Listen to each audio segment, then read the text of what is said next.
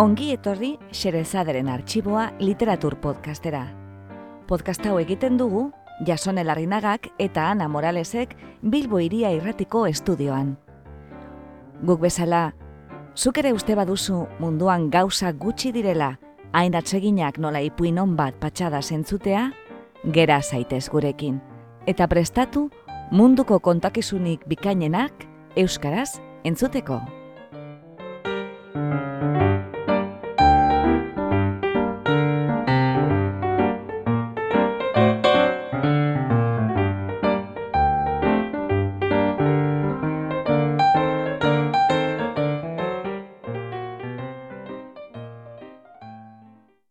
Gaur, Xerezaderen arxiboan, Eskontza ala mod. Egilea, Catherine Mansfield. Itzultzailea, Anton Garikano. Gaur berriz ere, Catherine Mansfield idazlea gonbidatu dugu Xerezaderen arxibora. Catherine Mansfield, zelanda berrian jaio zen mila sortzireun eta larogeta sortzian, eta emeretzi urterekin erresuma batura joan zen. Han, idazle modernisten giroan murgildu zen, eta bere adizkiden artean, D.H. Lawrence eta Virginia Woolf egon ziren adibidez. Ipuinak eta literatur kritikako artikuluak idatzi zituen, ugari. Bere historioetan, deskribapenak eta xetasun sotilek garrantzi handia daukate, batzuetan ekintzek baino handiagoa. Catherine Mansfield gazterik hiltzen, hogeta mala urterekin, artean ere, asko zeukala literaturari emateko. Bizimodu heterodoxoa izan zuen. Emakumezko zein gizonezko maitaleak izan zituen, batzuetan urte askotako harremanak. Bestalde, simpatia handia adirazi zien maoriei eta haien zapalkuntza deitoratu zuen. Bere bizitzako amodio handienetako bat emakume maori bat izan zen, maata mahupuku. Idazteaz gain, Catherine Mansfieldek musika ere landu zuen. Izan ere, txelista bikaina izan zen gaztetatik. Xerezaderen artxiboko aurreko atal batean, Mansfielden Ma Parkerren bizitza eta jaunaren eskamea ipuinak irakurri genituen, etxeetako zerbitzarien bizimodu latzaren berri kontatzen ziguten istorioak. Gaurkoan, bikote eskondu baten inguruko ipuina dakargu. Bakoitzaren bizimoduak eta interes desberdinek urrundu egin dituzte kidebiak. Itxura batean posik bizi badira ere. Bietako batek besteari zintzoki hitz egitea erabakitzen duenean, besteak erabaki bat hartu beharko du. Zirt edo sartegin. Baina batek bizitza edo identitate berria eraiki duenean, Ez da hain erraza, hortik urruntzea, hori dena bertan bera ustea, leku edo bizitza berri horretan, biziposa, betetasuna, aurkitu dituenean.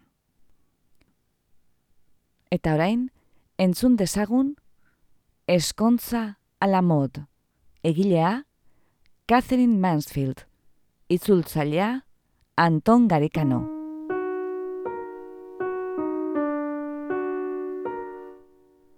Geltoki aldera zijoala, Williamek atzekabezko sistamin bat nabaritu zuen. Txikientzat ezer etzera mala oroitzean. Ume gaixoak. Haiek pagatu behar. Agurtzera etortzean, aielen biziko hitzak, ze ekarri aitatxo? Eta bera, esku utzik. Goxoki batzuk erosi beharko zizkien geltokian. Baina, hori xebera egin zuen aurreko lau larun batetan. Betiko kutsatila berdinak ikusteak arpegia erasan zien. Eta padik esan zuen. Lenguan zinta gorria zuen nireak. Eta jonik. Nire bete arrosa da. Ez eta arrosa gustatzen. Baina zer egin behar zuen Williamek. Etzen erraza, erabaki bat hartzea.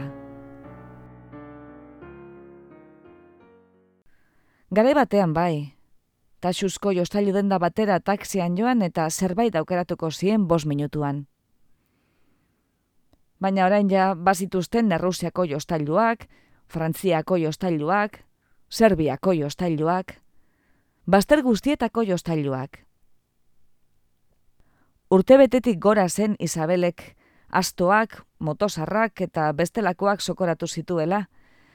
Arra sentimentalak eta aurrak esteko guztiz desegokiak zirelako. Oso garrantzitsua da, azaldu zion Isabel berriak. Hasieratik zaletasun zuzenak hartzea. Gerora, denbora asko aurreratzen da horrela. Izan ere, ume gaixoek aurtzaro guztia monstru hauei begira pasatzen badute, gutxi fida, azten direnean Royal Academyra joan nahi izatea. Eta Royal Academy bizitatzeak bere alako eriotza balekar bezala hitz egin zuen. Ez dakipa, esan zuen William Ekastiro. Nik beren adina nuenean, muturrean korapiloa egindako eskuoial bati helduta oheratzen nintzen. Isabel berriak begiratu zion, begiak kiskur, Espainiak erdibituta. Ene, William, sinesten dizu, pai. Eta barre egin zuen, era berri hartan. Ba, goxokiak izan beharko zuten, pentsatu zuen Williamek oibel, taksi gitariaren txat diruxe bila sakelak miatzerakoan. Eta han ikusi zituen eskamutilak kutsatilak besteri eskaintzen. Ume ikaragarri eskuzabalak ziren, eta Isabelen lagun xarmantak haiek hartzen, zalantzan dirik abe. Eta frutuak. Geldoki barruko saltegi baten inguruan ibili zen. Meloi bana edo? Hori ere banatu beharko ote zuten? Edo, pina bat padentzat eta meloi bat jonirentzat?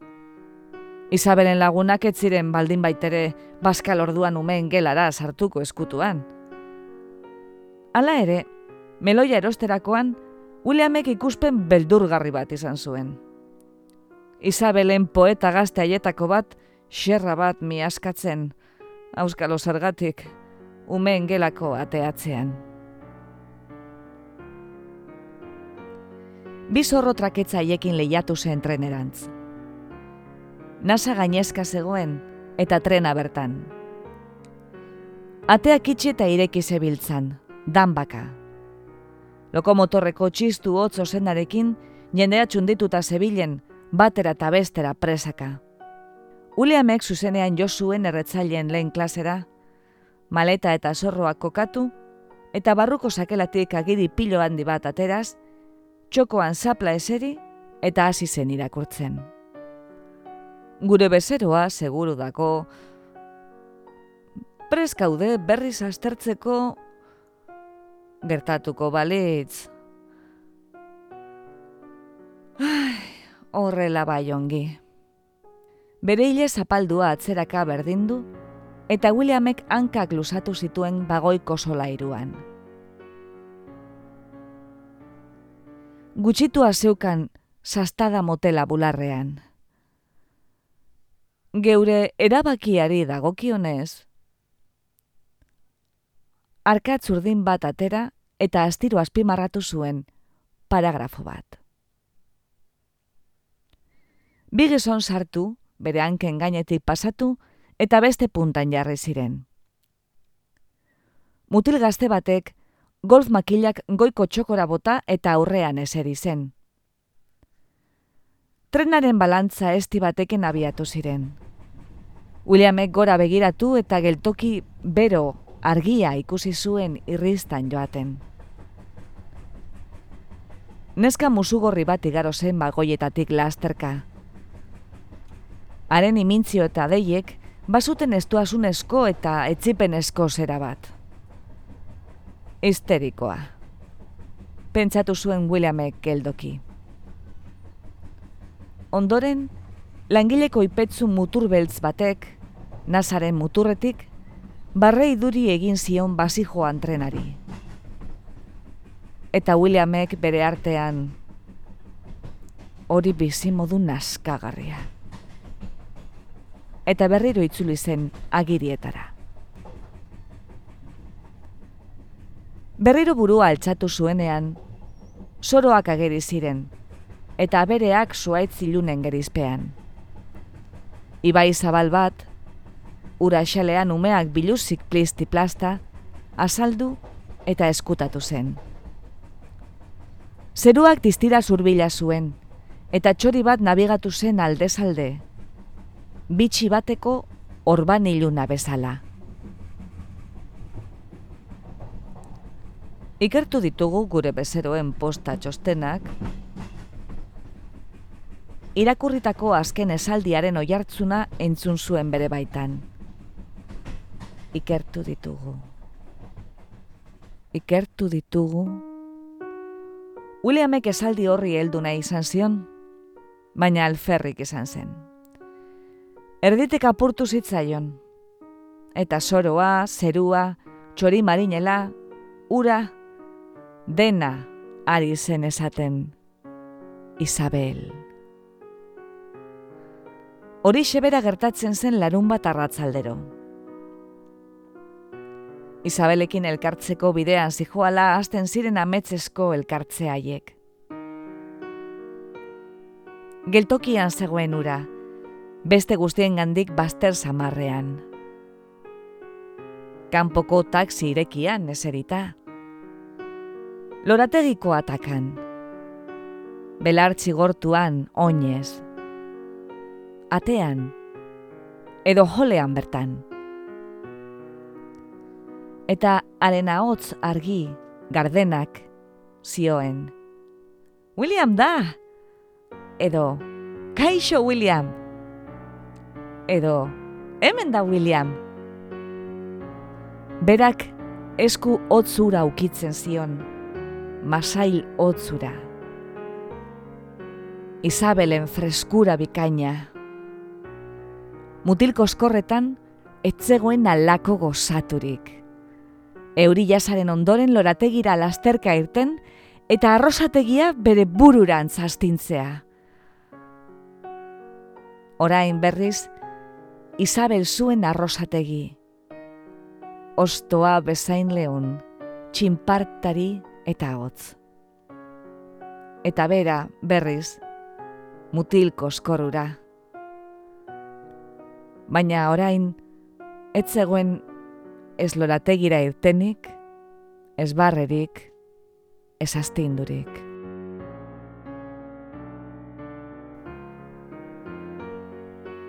Berriro hasi zitzaion ohiko sastada motela bularrean. Hanka goratu, agiria pastertu eta begiak itxi zituen.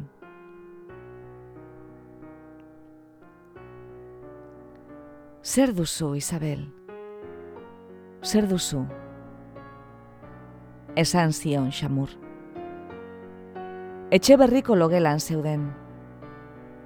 Isabel, aulki pintatu batean zegoen eserita, aurreko apain mailaren gaina, kutsatila beltz eta berdez betea zegoen. Zer esan nahi duzu, William? Eta aurrera makurtuz, masailen gainera jauzi zitzaion hile argi ederrura. badakizu. Gela ez ezagunaren erdian zutik, bera ere ez ezagun sentitu zen. Orduan, Isabel giratu eta aurrez aurre jarri zen. Ai, William! Otzegin zuen erreguka, hileko eskuila erean zuela. Ez zaitez mesedez izan horren zozoa eta tragikoa bete ari zara esaten, adierazten edo aipatzen, zer eta oso jende jatorra ezagutu dudalako, eta gehiago irteten naizelako, eta oso gustora nahuelako guztiarekin, badirudi nik, Isabelek hilea atzeratu eta parregin zuen. Elkarren ganako amodio apurtu edo dudala. E, era bat absurdoa da. Espainia oskatu zuen. Eta erotzekoa, William baita etxe berri hau eta kogotxarrez ametitu dizkidazun mirabeak ere.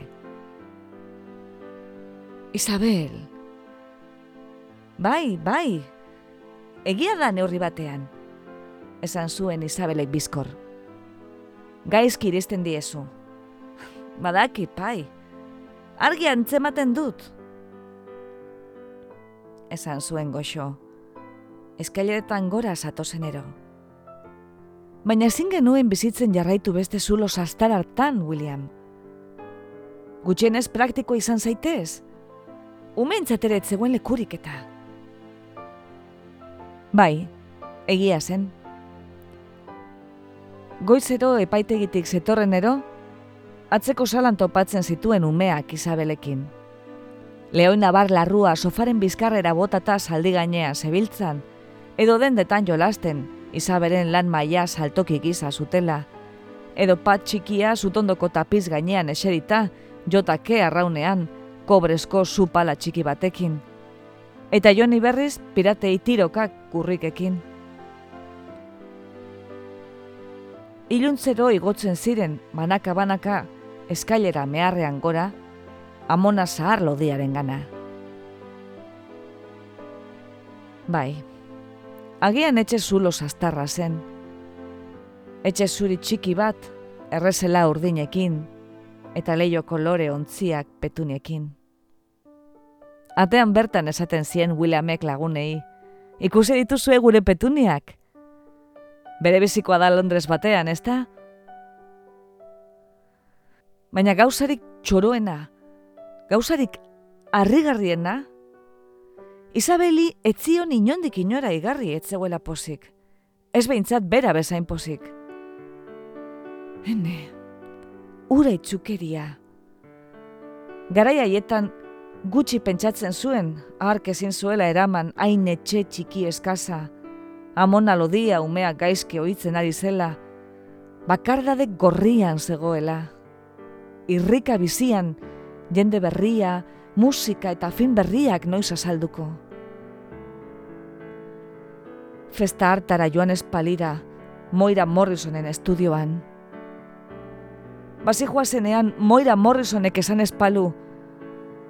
Zure mastea salbatuko dut, zeureko ja. Titania txiki bakan bat bezalakoa da. Isabel Parisera joan espalitz Moirarekin. Eta bar, eta bar.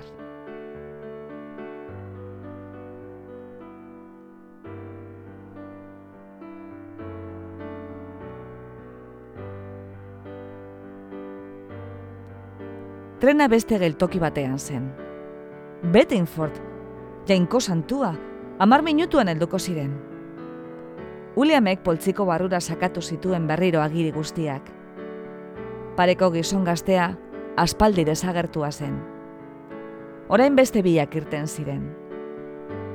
Arratza paleko eguzkiak, erdi jotzen zituen emakumeak, kotoizko soinekoekin jantziak, eta umeak, eguzkiarekin erreta hortutzik. Eguzkia galda bizian argitu zuen ostosakarreko lore horiska zetatzu bat, aitzezko gain batean edatua. Aizeak, leiotik zalapartan, itxasu zaina zuen. Betiko talde ura ote zuen Isabelek asteburu honetan ere, egin zuen Williamek aldera. Eta beren lehengo oporrez oroitu zen. Laurak batera, baserriko neska batek, Rosek, aurrak zaintzen zituela. Isabel jertzearekin eta hilea txirik ordaturik, amala urtekoa ematen zuen. Hene, berari berriz, nola arrotu zitzaion sudurreko azala. Eta haiek jateak, haiek loak, lumasko o izugarri hartan beren oinak elkarloturik.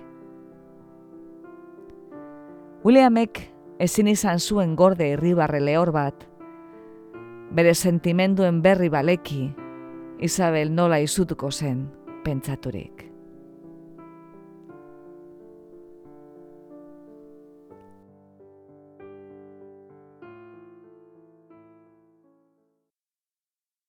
Kaixo, William! Geltokian zegoen ura, lehen pentsatu bezala jendearen gandik bereiz. Eta jauzi egin zuen Williamen bihotzak. Bakar bakarrik. Kaixo, Isabel! Williamek adi-adi begiratu zion. Hain eder zegoela iruditu eta zerbait esan behar ziola pentsatu zuen. Oso itxura honekoa ikusten zaitut. Bai, esan zuen Isabelek. Ba, enaiz oso ongi sentitzen. Guazen, berandu iritsi data zure tren zarrori. Kanpoan dago taksia. Isabelek oso goxo jarri zion eskua besoan, txartelen gizonaren ondotik. Gozoki dendan utzi dugu Kane, ondoren jasotzekotan. Oh, esan zuen Williamek. Momentuz, ezin izan zuen besterik esan. Eguzki galdan zegoen taksia zain. Bill Hunt eta Dennis Green alde batean zabaletzan da, kapeluak aurpegi gainera okartuta zituztela, eta bestean, Moira Morrison, marrubi erraldoi baten antzeko txano batekin, gora eta bera saltoka. Izotzik ez, izotzik ez, izotzik ez, ari zen oiuka, alai. Eta denize kapelu azpitik gehitu zuen. Arrandegean erosi beharko. Eta Bill Huntek, agerira etorriz, gaineratu zuen. Arrain eta guzti. Hau, amorrazioa, kexatu zen Isabel. Eta herri guztian izotz bila ibili zirela azaldu zion Williami, bera zain zegoen bitartean.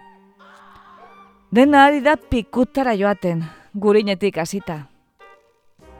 Gurine zigurtzi beharko dugu gorputza, esan zuen Denisek. Belturrik gabe emanu gendua buruan, William. Aizue, esan zuen Williamek. Nola eseri behar dugu, hobe izango duk idariaren aldamenean jartzea. Ez, Bobby Kane dago hor, esan zuen Isabelek. Zu eseri moira eta nire artean abiatu zen taksia. Zer duzu zorro arraro horietan? Mostutako buruak? Esan zuen Bill Huntek kapelu azpian otzikaraz. Ah, frutuak! Isabel asko postu zen itxuraz. Zuai askarra, meloi bat eta pina bat, ze ondo? Ez, itxaron, esan zuen Williamek irribarretzu baina berez urduri zegoen.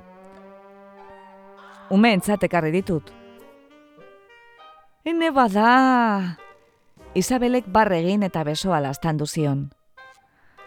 Oinase batean jarriko lirateke hoiek janda.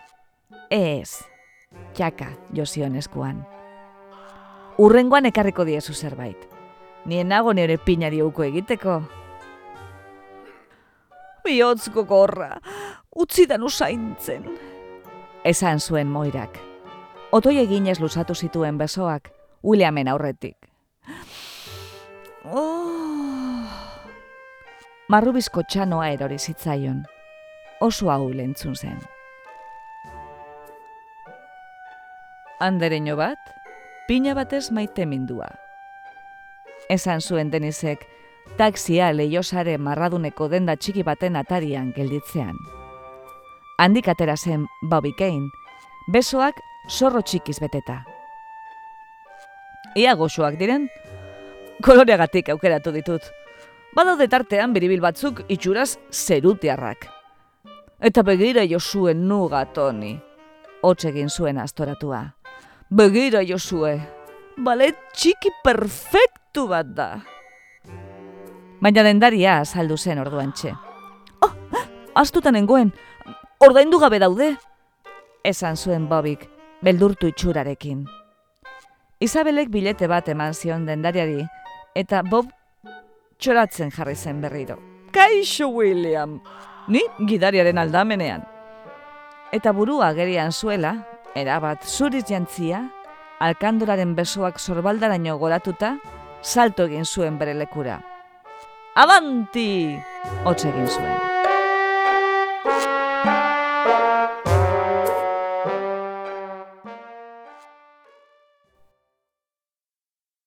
Te hartu ondoren bainatzera joan ziren denak, baina William etxean geratu zen, txikiekin bakeak egiteko.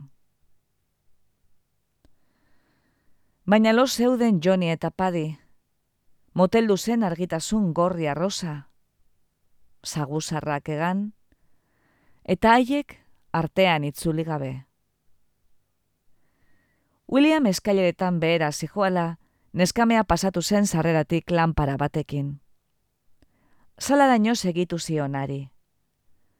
Gela luze bat zen, horiz margotua.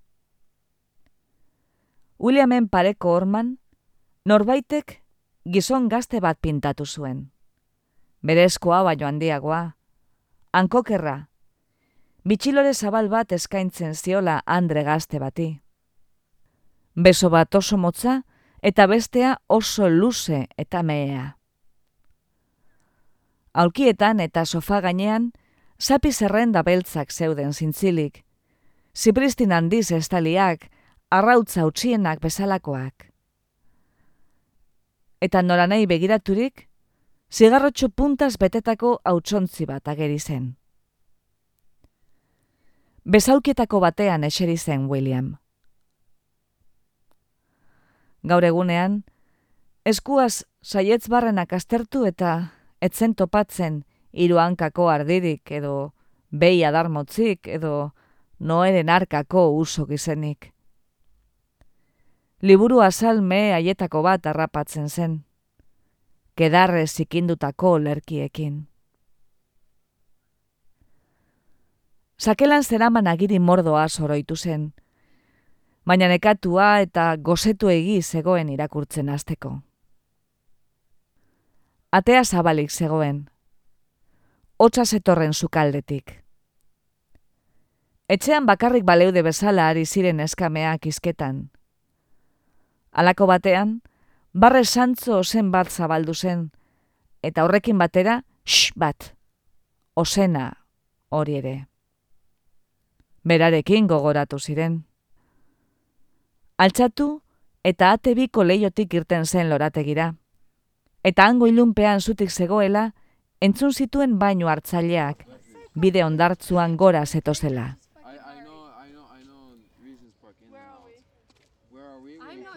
Haien ahotzek isiltasuna aurratu zuten.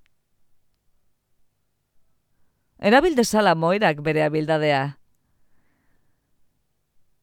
Moirak orduan asperen tragiko bat.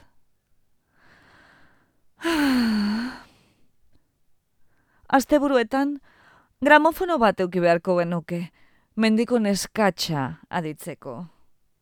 Oh, ez, ez, ez, entzun zen Isabel Oska. Uliamekin oker jokatzea da hori. Jatorrak izan zaitezte berarekin, umeok. Biar iluntzer arte besterik ez da geratuko. Utzi nire kontu hotsegin zuen babikeinek.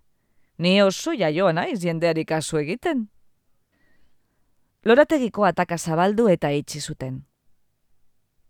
William terrazara agertu zen. Ikusi zuten. Gaixo, William! Eta Bobby Kane, esku oiala astintzen, belardi txigortuan salto eta zilipurdika hasi zen. Lastima da zu ez etorria, soragarria zegoen ura. Gero denok taberna txiki batera joan eta patxarra eran dugu. Besteak ja etxean ziren. Aizu, Isabel, deitu zion babik. Nahi duzunik gaur nire nijinskiren soineko aianztea? Ez, esan zuen Isabelek. Ezkara orain aldatzen hasiko. Gozetuta gaude. William ere gozetuta dago. Etorri mezami asteko sardinak. Topatu ditut sardinak.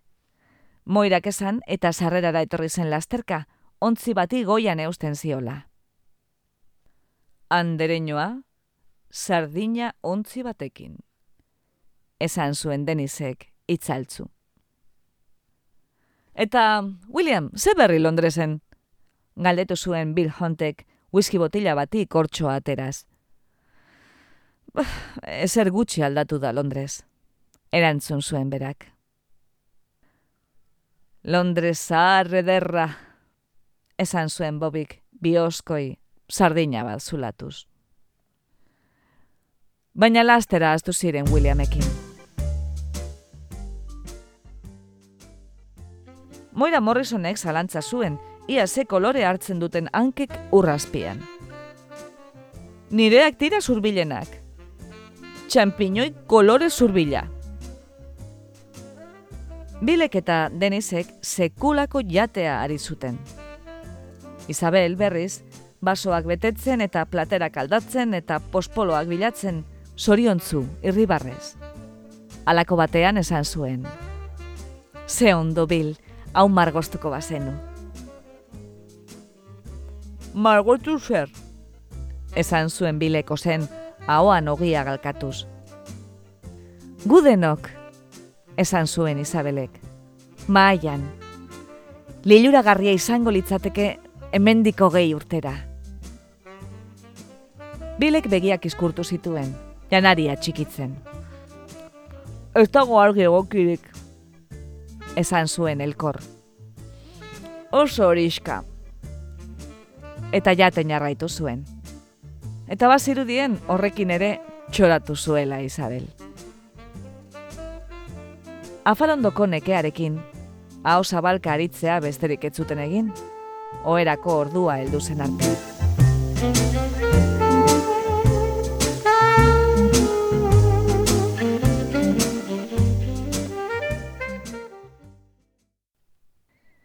Urrengo arratsaldean, taxiaren zain zegoen momentu arte, Williamek ezin izan zuen Isabelekin bakarrik egon. Sarrerara maleta jaiztean, Isabel, besteak utzita, beragana joan zen. Makurtu eta maleta jaso zuen. Hau pixua! Esan zuen, barre txiki, behartu bat eginez. Utzi eramaten, atakaraino. Ez, zer delata? Esan zuen Williamek. Baita zera ere, eman. Ai, utzi da zu, mesedez. Esan zuen Isabelek. Gogoa dut. Elkarren ondoan joan ziren, isilik. Williamek, ez zuen orain ezer esatekorik sentitzen. Horratx, esan zuen Isabelek, garaipenez maleta lurrean usterakoan, eta urduri begiratu zuen bide ondartzura. Oraingonetan, ez dakit ikusi zaitudan ere, esan zuen arnasa estututa. Zela burra den, ez da? Iritzi berria sarela iruditzen zait. Urrengoan, taksia agertu zen.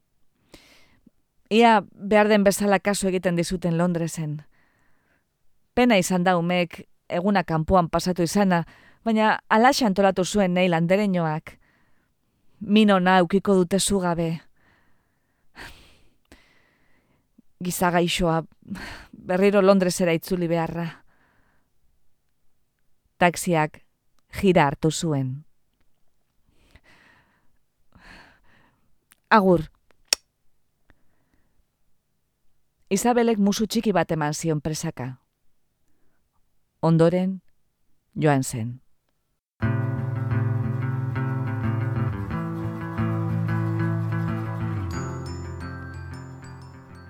Soroak, zuaitzak, esiak igaro ziren jarioan.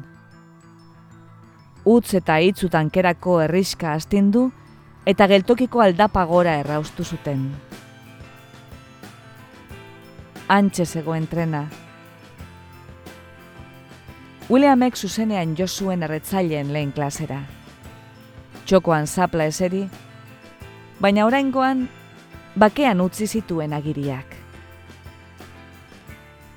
Betiko oskada motelaren gainean besoak gurutzatu, eta bere artean, gutun bat idazten hasi zen Isabeli.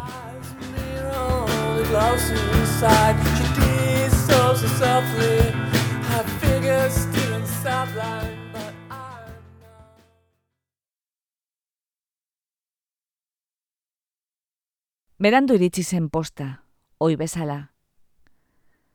Denak etxe aurrean zeuden, eserleku luzeetan jarrita, kolorezko eguzkitakoen azpian.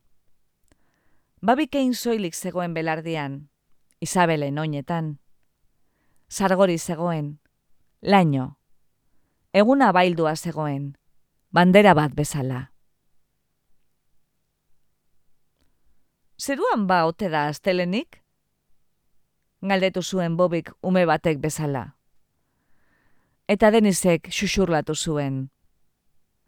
Zerua astelen luze bat izango da. Baina Isabeli ez zitzaion burutik joaten zer gertatu zen afariko izokinarekin bezperan. Arraima honeza egiteko asmoa zuen baskarirako, baina orain... Moira lo zegoen. Lo egotea zenaren azken aurkikundea. Zora garria da, begiak itxi eta kitxo. Charman garria da. Postari zahar musu gorria, bide ondartzutik agartu zen trizikloan tirrik itarraka, eskulekuek arraunak ematen zutela.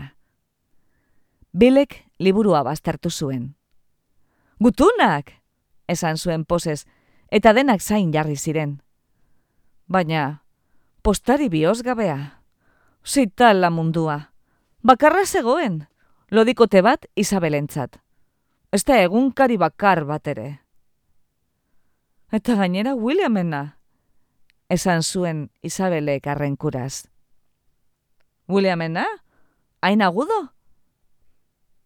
Eskontzako agiria bidaliko zizun, oroigarri kutxun bezala. Denek izaten dute eskontzako agiria? Mira ben gauza zela uste nuenik. Hori horri pila, ikusi. Andereñoa, gutuna irakurtzen esan zuen denizek. Ene Isabel maite, bihotzekoa. Horri pila bat zegoen.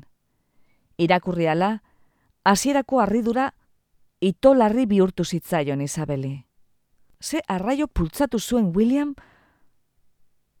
ura gauza bitxia. Nondik nora? Nazirik sentitu zen, gero eta urduriago, baita beldurtuta ere. Williamen eroio era bat. Baute, absurdoa zen, noski. Absurdo esan behar zuen. Barregarria. Hene bada. Zer egin orain? Eserlekuan bizkarra atzeratu, eta Isabel barrez hasi zen eutzi ezin arte. Ez aiguzu, zioten besteek. Esan zer idatzi dizun. Desiratzen dago, karraskatu zuen Isabelek. Bizkarra zuzendu, gutuna txukundu, eta haiek zeuden aldera astindu zuen. E, etorri ona, esan zuen. Zoragarria da, entzuntza zue. Maitasun esko gutun bat da. Maitasun esko gutun bat hori gutixia. Isabel maite bihotzekoa. Baina hasi orduko, haien algareketen zuten.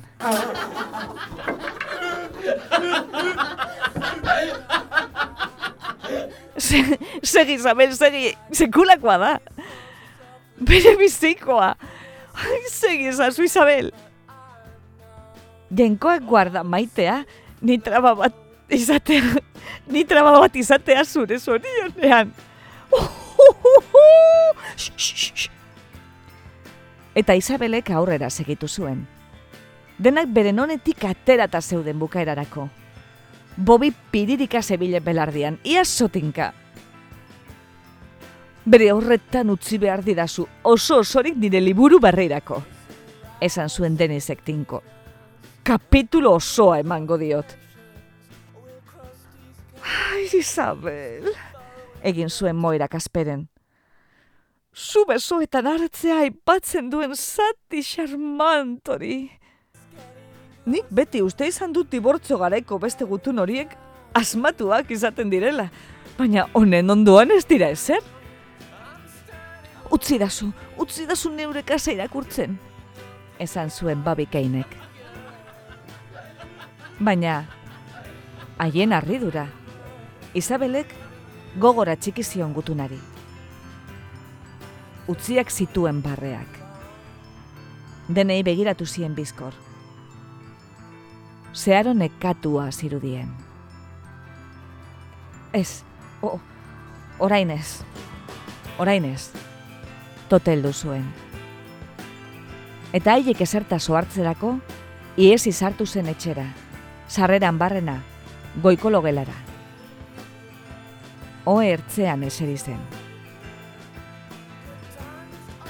Ze arrunta, zertzila, satarra, narrasa.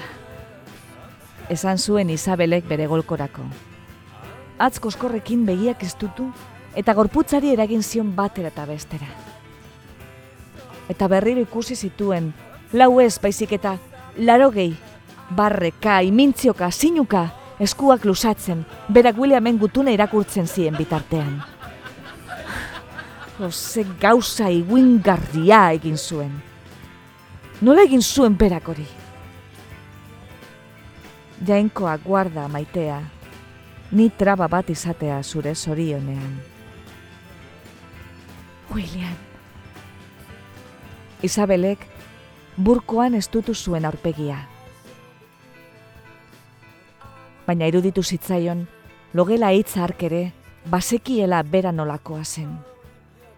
Eskasa, aula, ilauna.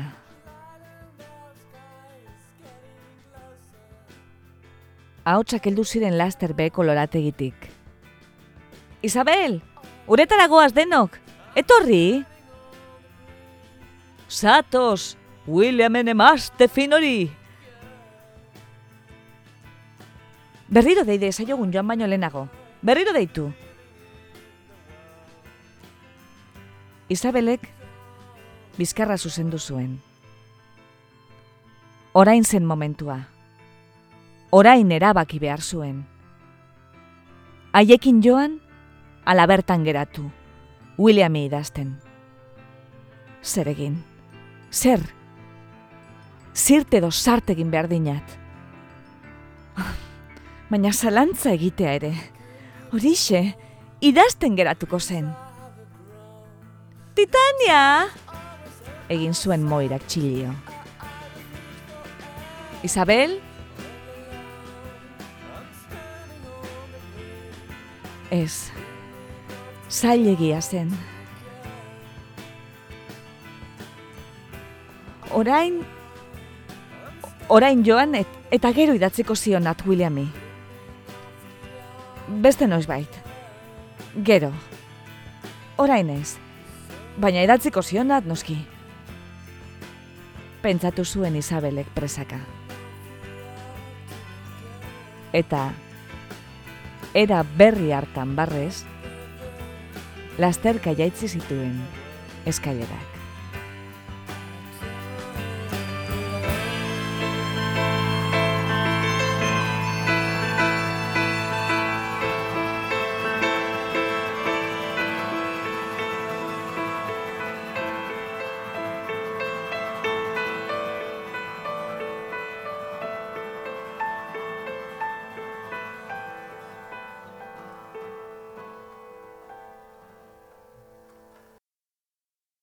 Entzun duzu, Eskontza a la mod. Egilea, Catherine Mansfield. Itzultzailea, Anton Garikano.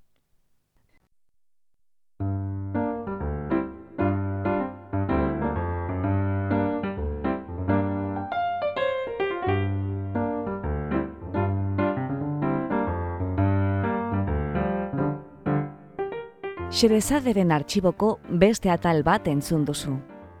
Gure doinoa da Charleston Behind the Attic Door, Dance of the Wind taldearena. Besterik adierazi ezean, gure musikak jamendo.cometik hartuak dira, eta soinu efektuak berriz freesound.cometik ateratakoak. Podcast hau egiten dugu Jasone Larinagak eta Ana Moralesek Bilbo Iria Irratiko estudioan. Gure audioak online entzuteko edo eskuratzeko eta podcastaren arpidedun egiteko, bilagaitzazu iTunesen edo joan gure blogera irubebikoitz.blogak.com barra isa. Irriketan gaude zure iritzia jakiteko eta zure gurariak betetzeko. Beraz, gure blogera soazenean, eza astu iruzkina ustea eta irakurgai proposamenak egitea. Eskerrik asko gurera hurbiltzeagatik. Gustora egon bazara, etorri urrengo batean berriz ere, Xerezaderen artxiboa literatur podcastera. Laster arte!